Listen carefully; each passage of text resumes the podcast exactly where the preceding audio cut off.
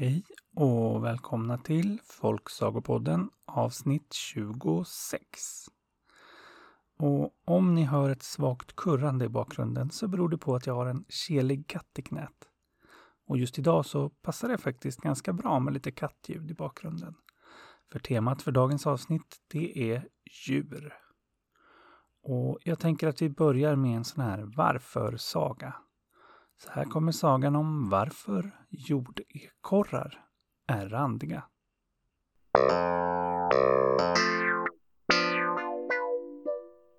Det var en gång, för länge sedan, en vår, då björnen vaknade i sitt ide, där han legat och sovit hela vintern. Sa han och sträckte på sig. Och eftersom han hade sovit hela vintern så var han ju förstås väldigt kissnödig. Så han gick och kissade en lång stund. Och sen efter det var han förstås väldigt bajsnödig. Så då gick han och bajsade en lång stund. Och efter det var han förstås väldigt sugen på ett bad. Så då gick han och badade. Och efter det så var han ju förstås väldigt hungrig. Ja, han hade inte ätit på hela vintern. Och nu kände han riktigt hur hungrig han var. Han behövde få tag i mat. Det fanns ingenting kvar i hans stora skafferi han samlat in innan vintern. Och han orkade knappt leta efter mat Åh, han började leta runt lite i buskarna efter några bär eller någon god rot, men han var för trött och hungrig. Han funderade på om han skulle fiska upp någon fisk, men nej, han orkade inte det heller och nu blev han, som man kan bli när man är så där hungrig och nyvaken, jättearg. Så arg att han bestämde sig för att rycka upp ett helt träd och kasta iväg det. Ja, han gjorde så ibland när han var arg. Så han tog tag i ett träd i närheten och började slita, men han var helt enkelt för svag av hunger, så det rörde sig knappt. Eller jo, det skakade till ganska ordentligt. Och det var kanske tur, för då vaknade jordekorren som hade legat i ide i en håla under trädet och kom upp. Vad är det som låter? frågade han. Det är jag och jag är hungrig, sa björnen.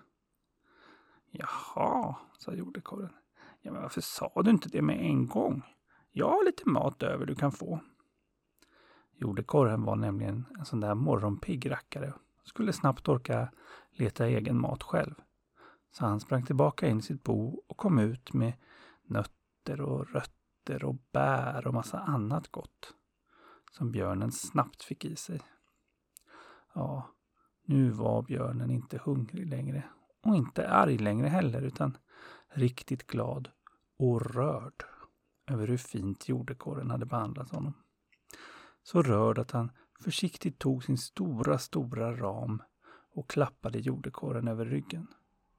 Ja, och eftersom han hade sovit hela långa vintern så hade han ju inte klippt sina naglar, så de var ovanligt långa. Och där de drogs över pälsen har jordekorrar än idag ränder. Ja, så det var så det gick till. Jag har ju alltid undrat över varför Piff och Puff ser ut som de gör. Ja, för de är jordekorrar. Vi... Ja, där var katten som nös också. Mycket liv på den idag. Vi tar en saga som heter Den lilla haren. Den kommer här.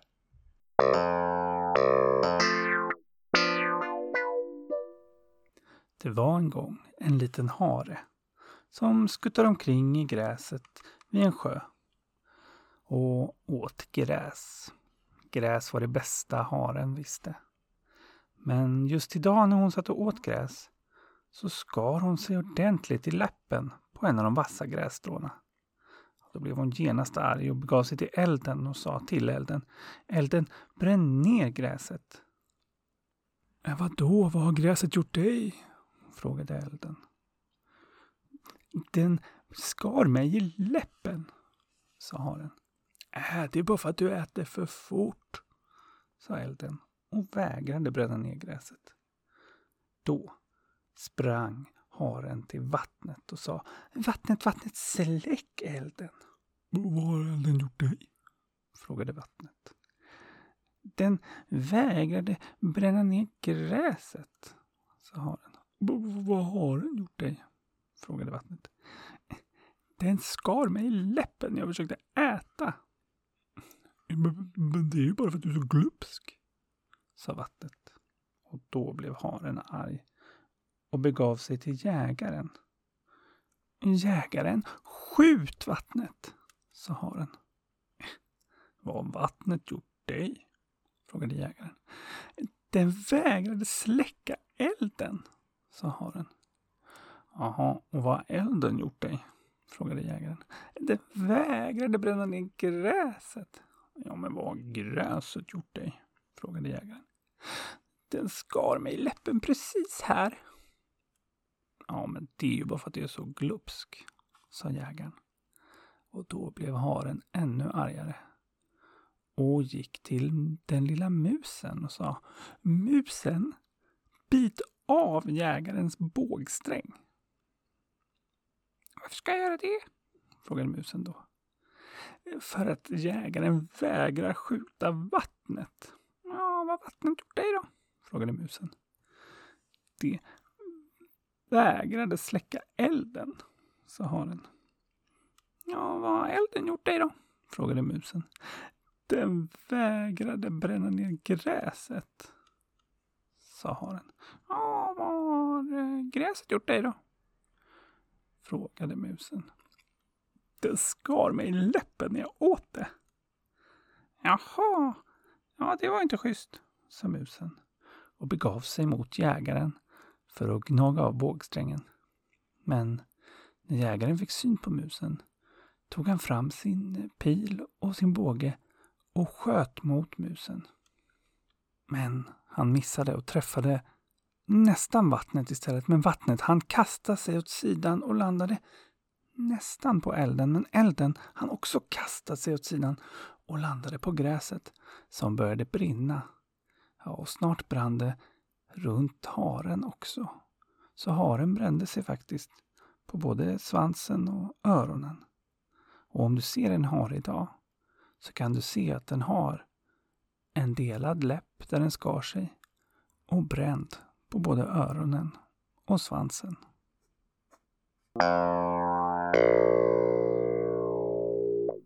Ha!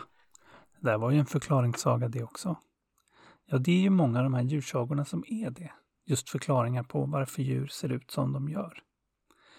Och nästa, den är faktiskt också det.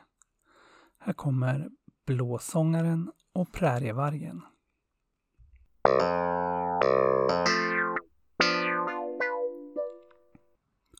Det var en gång, för länge, länge sedan, innan djuren var helt färdiga. Ja, de hade faktiskt inte fått sin rätta färg än. Då var det en fågel som begav sig ner till en sjö för att bada. Fågeln var en ganska tråkig grå färg och sjön, den var vackert blå. Så medan fågeln var i vattnet så sjöng den Jag är tråkig och grå, jag vill vara som du, vackert blå. Och så flög den iväg. Och dagen efter så kom den tillbaka, badade igen och sjöng samma sång. Jag är tråkigt grå, jag vill vara som du, vackert blå. Och så flög den iväg. Och den kom tillbaka tredje dagen och gjorde samma sak. Jag är stråkig och grå, jag vill vara som du, vackert blå. Och så flög den iväg. Och fjärde dagen, när den kom tillbaka och sjöng, så trillade plötsligt de grå vingarna av. Ja, så nästa dag när fågeln kom tillbaka och sjöng Jag är så grå, jag vill vara som du, vackert blå. Så växte det ut nya, blåa, vackra fjädrar på fågeln. Och det var då fågeln fick sitt namn, Blåsångaren. Men vid stranden så låg prärievargen och spanade. Ja, på den här tiden var prärievargar gröna men prärievargen ville bli lika vackert blå som blåsångaren. Så han smög fram till blåsångaren och sa Hörru du, hur gjorde du det där? Jag vill också vara sådär snyggt blå. Och blåsångaren berättade om de fem dagarna och sången och badet. Och prärievargen tyckte det verkade lite läskigt att bada men ville ju bli sådär vacker. Så han gjorde som blåsångaren hade sagt och fem dagar senare var han inte grön längre utan lika vackert blå som blåsångaren. Och när han kom upp ur vattnet så där vackert blå blev han ju riktigt stolt och ville genast att någon skulle tala om för honom hur vacker han var. Så han sprang iväg för att leta efter någon som kunde titta på honom. Eller något att spegla sig i. Men fast han sprang så hittade han ingen och han sprang ganska länge och började bli lite trött på att inte kunna se hur vacker han var. Fanns det inget att spegla sig i. Då kom han på att hans skugga kanske också blivit vackert blå. Så han vände huvudet för att titta på skuggan. Men det borde han inte ha gjort. För då slutade han titta på vägen och snubblade på en stor sten och föll ner och tumlade runt, runt, runt på marken tills han var alldeles täckt av den dammiga sanden. Och det är därför prärievargar idag har exakt samma färg som marken.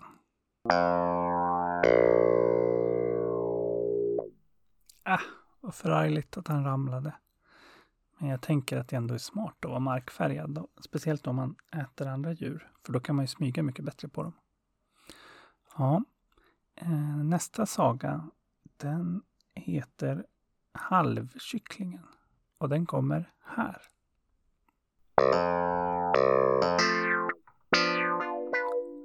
Det var en gång en alldeles ovanligt vacker spansk höna som hade lagt en hög med ägg som hon ruvat och nu höll på att kläckas. Och det blev en hel hög med vackra, små duniga, gulliga, fina, underbara små kycklingar. Men ett ägg knäcktes lite långsammare än de andra. Och ur det ägget kom en kyckling som inte var riktigt lika gullig som de andra. Nej, han var ganska annorlunda han hade nämligen bara en halv näbb och en halv kropp och bara en vinge och ett ben. Ja, han var helt enkelt en halvkyckling. Åh, mitt stackars lilla kycklingbarn, den kommer aldrig växa upp och bli en lika grann höna eller tupp som sina syskon. Åh, åk, åk, åk, tänkte mamman. Åh, de andra kommer ge sig ut i världen och, och, och, och bli tuppar på varsin hönsgård eller bli vackra hönor som jag. Men han, åh, och, och, han får vi ha hemma hela hans liv, tänkte hon.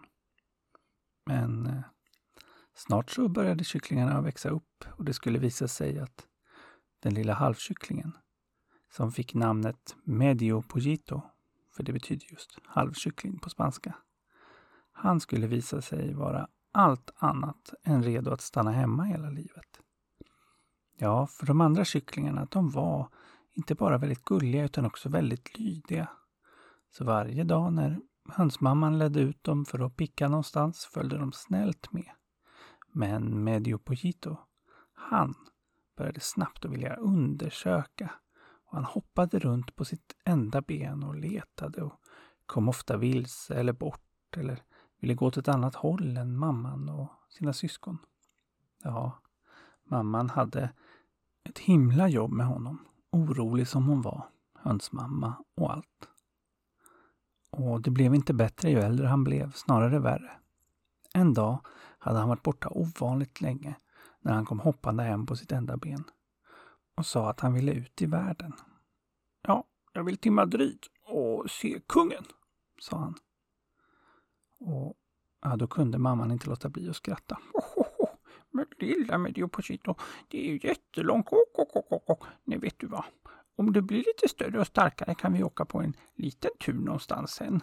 Men nu håller vi oss hemma. Men det örat ville Medioposito inte lyssna på. Han ville ut i världen. Och ganska snart så blev han ganska outhärdlig. Ja, rent av otrevlig mot sina syskon och nästan mot sin mamma också. Så till slut såg hon inget annat val än att låta sin son bege sig till Madrid för att träffa kungen. Eller ja, så långt han nu skulle komma. Ja, så Medio Pojito gav sig iväg. Men med sig fick han ett gott råd från sin mamma. Var nu snäll mot alla du möter, så alla vet att du är en eh, väluppfostrad baktupp, fastän du är ful. Och så gav sig Medio Pojito iväg. Och snart hade han hoppat hela vägen bort från sista åkern som hörde till hemmagården. Och kom fram till ett dike där det rann vatten.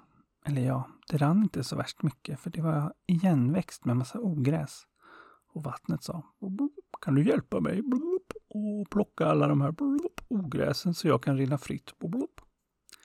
Men Medio Pohito, han tyckte inte han hade tid för något ogräsplockande. Han var ju på väg till huvudstaden. Han skulle träffa kungen. Få en egen hönsgård där på borggården. Så han sa att han inte hade tid och att det där vattnet kunde väl plocka sina egna ogrässtrån om det nu var så jobbigt. Och så hoppade han vidare. En stund senare hoppade han förbi en gammal lägerplats som några övergivit. Och det glödde faktiskt fortfarande lite i deras eld. Och elden ropade Hallå, kan du hjälpa mig att lägga på några stickor eller någon pinne? Det är, jag börjar hålla på att slockna här. Men Medio Pohito han tyckte inte han hade tid att hjälpa någon eld.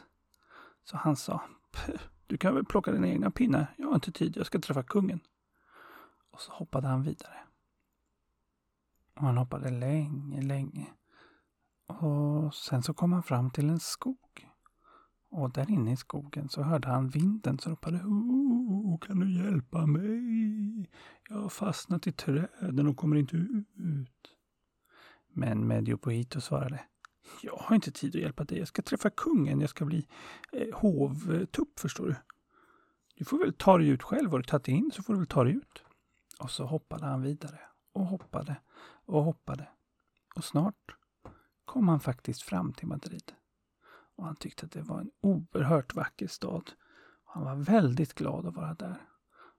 Och han kände att här, här hör jag minsann hemma. Så började han titta runt efter slottet. Och till slut så såg han det största och vackraste huset som dessutom var omgivet av vakter och förstod att det där måste vara slottet. Så han började hoppa ditåt. Och på vägen dit så övade han på hur vackert han skulle gala för självaste kungen. Men det gjorde att eh, en av kockarna i slottet hörde honom och blev riktigt glad för han letade nämligen efter mat till kungen att äta ikväll. Och han var sugen på kyckling, kungen, det hade han sagt. Så kungen tog snabbt tag i Medio Poito och slängde ner honom i en gryta med vatten. Ja, stackars Medio Poito, han blev ju väldigt obekväm av det där varma, klibbiga eh, vattnet som var där. Så han sa till vattnet, Hallå, kan du hjälpa mig att sluta blöta ner mig? Men vattnet svarade, Jag kan inte hjälpa dig för du kunde inte hjälpa mig. Du får väl torka dig själv så som jag fick plocka mitt eget ogräs. Och då tände kocken elden under grytan. Och Det började bli riktigt, riktigt varmt. Och Medio Pohito sa till elden, Aj, aj, elden, aj, aj, det bränns, aj, aj, kan du sluta bränna mig, snälla? Men elden svarade, äh, du, du kunde inte hjälpa mig att lägga på en liten pinne eller en liten gren eller så, så att eh, du får faktiskt eh, kyla ner dig själv. Lycka till! Och ja, nu höll Medio faktiskt på att bli kokt. Men som tur var så öppnade kocken locket för att se om soppan började bli klar. Och då fick han syn på tuppen han hade fångat och såg att den inte alls såg speciellt god ut. Och den var ganska liten, det här skulle kungen inte bli mätt på. Så han tog upp Mediopohito och slängde ut honom genom fönstret. Mediopohito kände sig glad, nu var han äntligen fri, men då tog vinden tag i honom och lyfte honom upp, upp, upp, upp. Hallå vinden, kan du sluta? Eller jag, jag kan inte flyga faktiskt. Det, det, kan inte tuppa, det kanske inte du vet, men hallå? Men vinden vägrade släppa honom och sa Du vill inte hjälpa mig, ni har satt lite fast. Då får du väl hjälpa dig själv och komma ner. Och så satte vinden av honom på det högsta kyrktornets högsta spira. Ja, och där står han faktiskt än idag, Medio Poito. Så om du någon gång åker till Madrid kan du kolla upp på den högsta kyrkans högsta spira. Så får du se en, en enbent tupp som står där och blickar ut över staden. Och han har nog lärt sig att hjälpa dem som behöver det.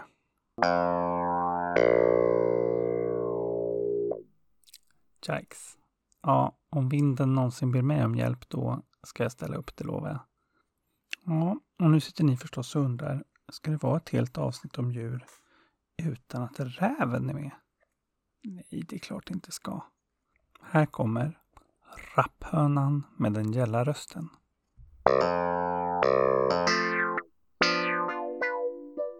Det var en gång en rapphöna med en väldigt gäll röst som satt i ett träd. När någonting ramlade ner lite högre upp ifrån trädet och ner i hennes huvud. Och rapphönan, som var väldigt nervöst lagd, hon trodde att det var hela himlen som var på väg ner. Åh nej! Himlen ramlar ner! Jag måste berätta för örnen! sa hon. Och så satte hon iväg det fortaste hon kunde. På vägen dit mötte hon tjädern med den långa halsen. Hej rapphöna, sa tjädern. Vart ska du?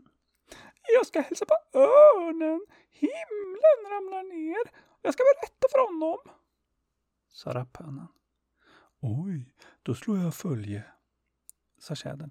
Kom du bara, sa rapphönan. Så tjädern med den långa halsen följde med rapphönan med den gälla rösten. Och de sprang och sprang och snart mötte de anden med den tjocka magen. Hej rapphöna, hej hej tjäder, sa anden. Vart ska ni? Eh, vi ska till örnen och berätta att himlen är på väg att falla ner, sa tjädern med den långa rösten. Mm, får jag slå följe med dem? Ja, det går bra, sa rapphönan. Och så följde anden med den tjocka magen med. Så rapphönan med den gälla rösten, tjädern med den långa halsen och anden med den stora magen, de sprang för att hitta örnen och berätta att himlen var på väg att följa med. När de mötte Järpen med den gråa ryggen. Vart är ni på väg? frågade Järpen med den gråa ryggen. Vi är på väg till örnen för att tala om att himlen är på väg att falla ner. Det är bråttom, sa rapphönan. Oj, får jag följa med? frågade Järpen med den grå ryggen. Och det fick han. Så nu sprang rapphönan med den gälla rösten, tjädern med den långa halsen, anden med den tjocka magen och järpen med den grå ryggen för att hitta örnen. När de mötte den listiga räven. Mm, ni på er, vart är ni på väg då? Frågade räven. Vi ska hälsa på örnen och berätta att himlen trillar ner, sa rapphönan. Mhm, sa räven. Men då går ni åt fel håll. Eh, örnen bor ju här borta, sa räven och ledde dem åt ett annat håll. Ja, hem till sig. Snart stod de utanför rävens lya, som ju var ett stort mörkt hål nere i marken, för det är så rävar bor. Mm, nu är vi framme, sa räven. Här bor örnen. Om jag går in först så kan väl ni komma in efter? Så kröp räven in. De andra bestämde att tjädern skulle få gå in först, för att han kände örnen lite. Så han stack in sin långa hals i boet och sa Hallå? Men då högg räven genast tag i den långa halsen och bet av honom hela huvudet och drog in tjädern. För dem utifrån såg det ut som att tjädern snabbt sprang in och därför följde anden med den tjocka magen in efter. Men då bet räven genast tag i andens tjocka mage och åt upp honom. Sen var det rapphönan med den gälla röstens tur att gå in. Ja, och när räven kastade sig över henne så gav hon genast till ett av sina gälla skrik. Nej, hallå, vad gör du? Släpp mig! Jag måste till örnen! Och det skriket hörde förstås Järpen med den gråa ryggen som stod där ute. Så han kastade sig in för att hjälpa sin vän rapphönan. Och tillsammans så, så pickade och rev och nöp de räven ordentligt så han blev riktigt påpucklad. Och sen begav de sig fort därifrån och tillbaka hem. Ja, och de glömde faktiskt att berätta för örnen att himlen höll på att ramla ner. Men det var ju bara något rapphönan hade fått för sig. Så det var nog inte så noga med det.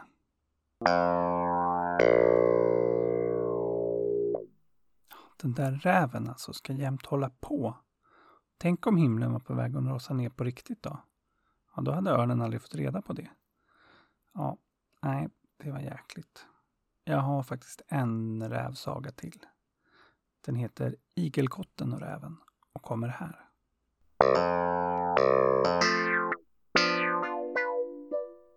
Den var en gång i den stora öknen. Ja, har ni varit i en öken någon gång så vet ni att den är väldigt torr och varm och sandig. Och att man behöver gå långt, långt, långt för att hitta vatten. Ja, just den här gången så var igelkotten och räven på vandring tillsammans. Och igelkotten, som har mycket kortare ben än räven och dessutom är väldigt lat. Han blev trött först och frågade om de inte kunde stanna och vila sig för natten. Och det tyckte räven att de kunde göra och då slog de läger alldeles vid en död kamel som låg där. Och igelkotten var verkligen trött. Men han var listig också. Så han väntade tills räven hade somnat. Sen gick han fram till den döda kamelen och började gnaga och skära med sin lilla kniv som han hade med sig för att få bort lite hud från kamelen. Och av den så sydde han en liten sadel. Sen sprang han så fort han bara kunde med sina korta små igelkottben en bit framåt på den stigen de höll på att vandra.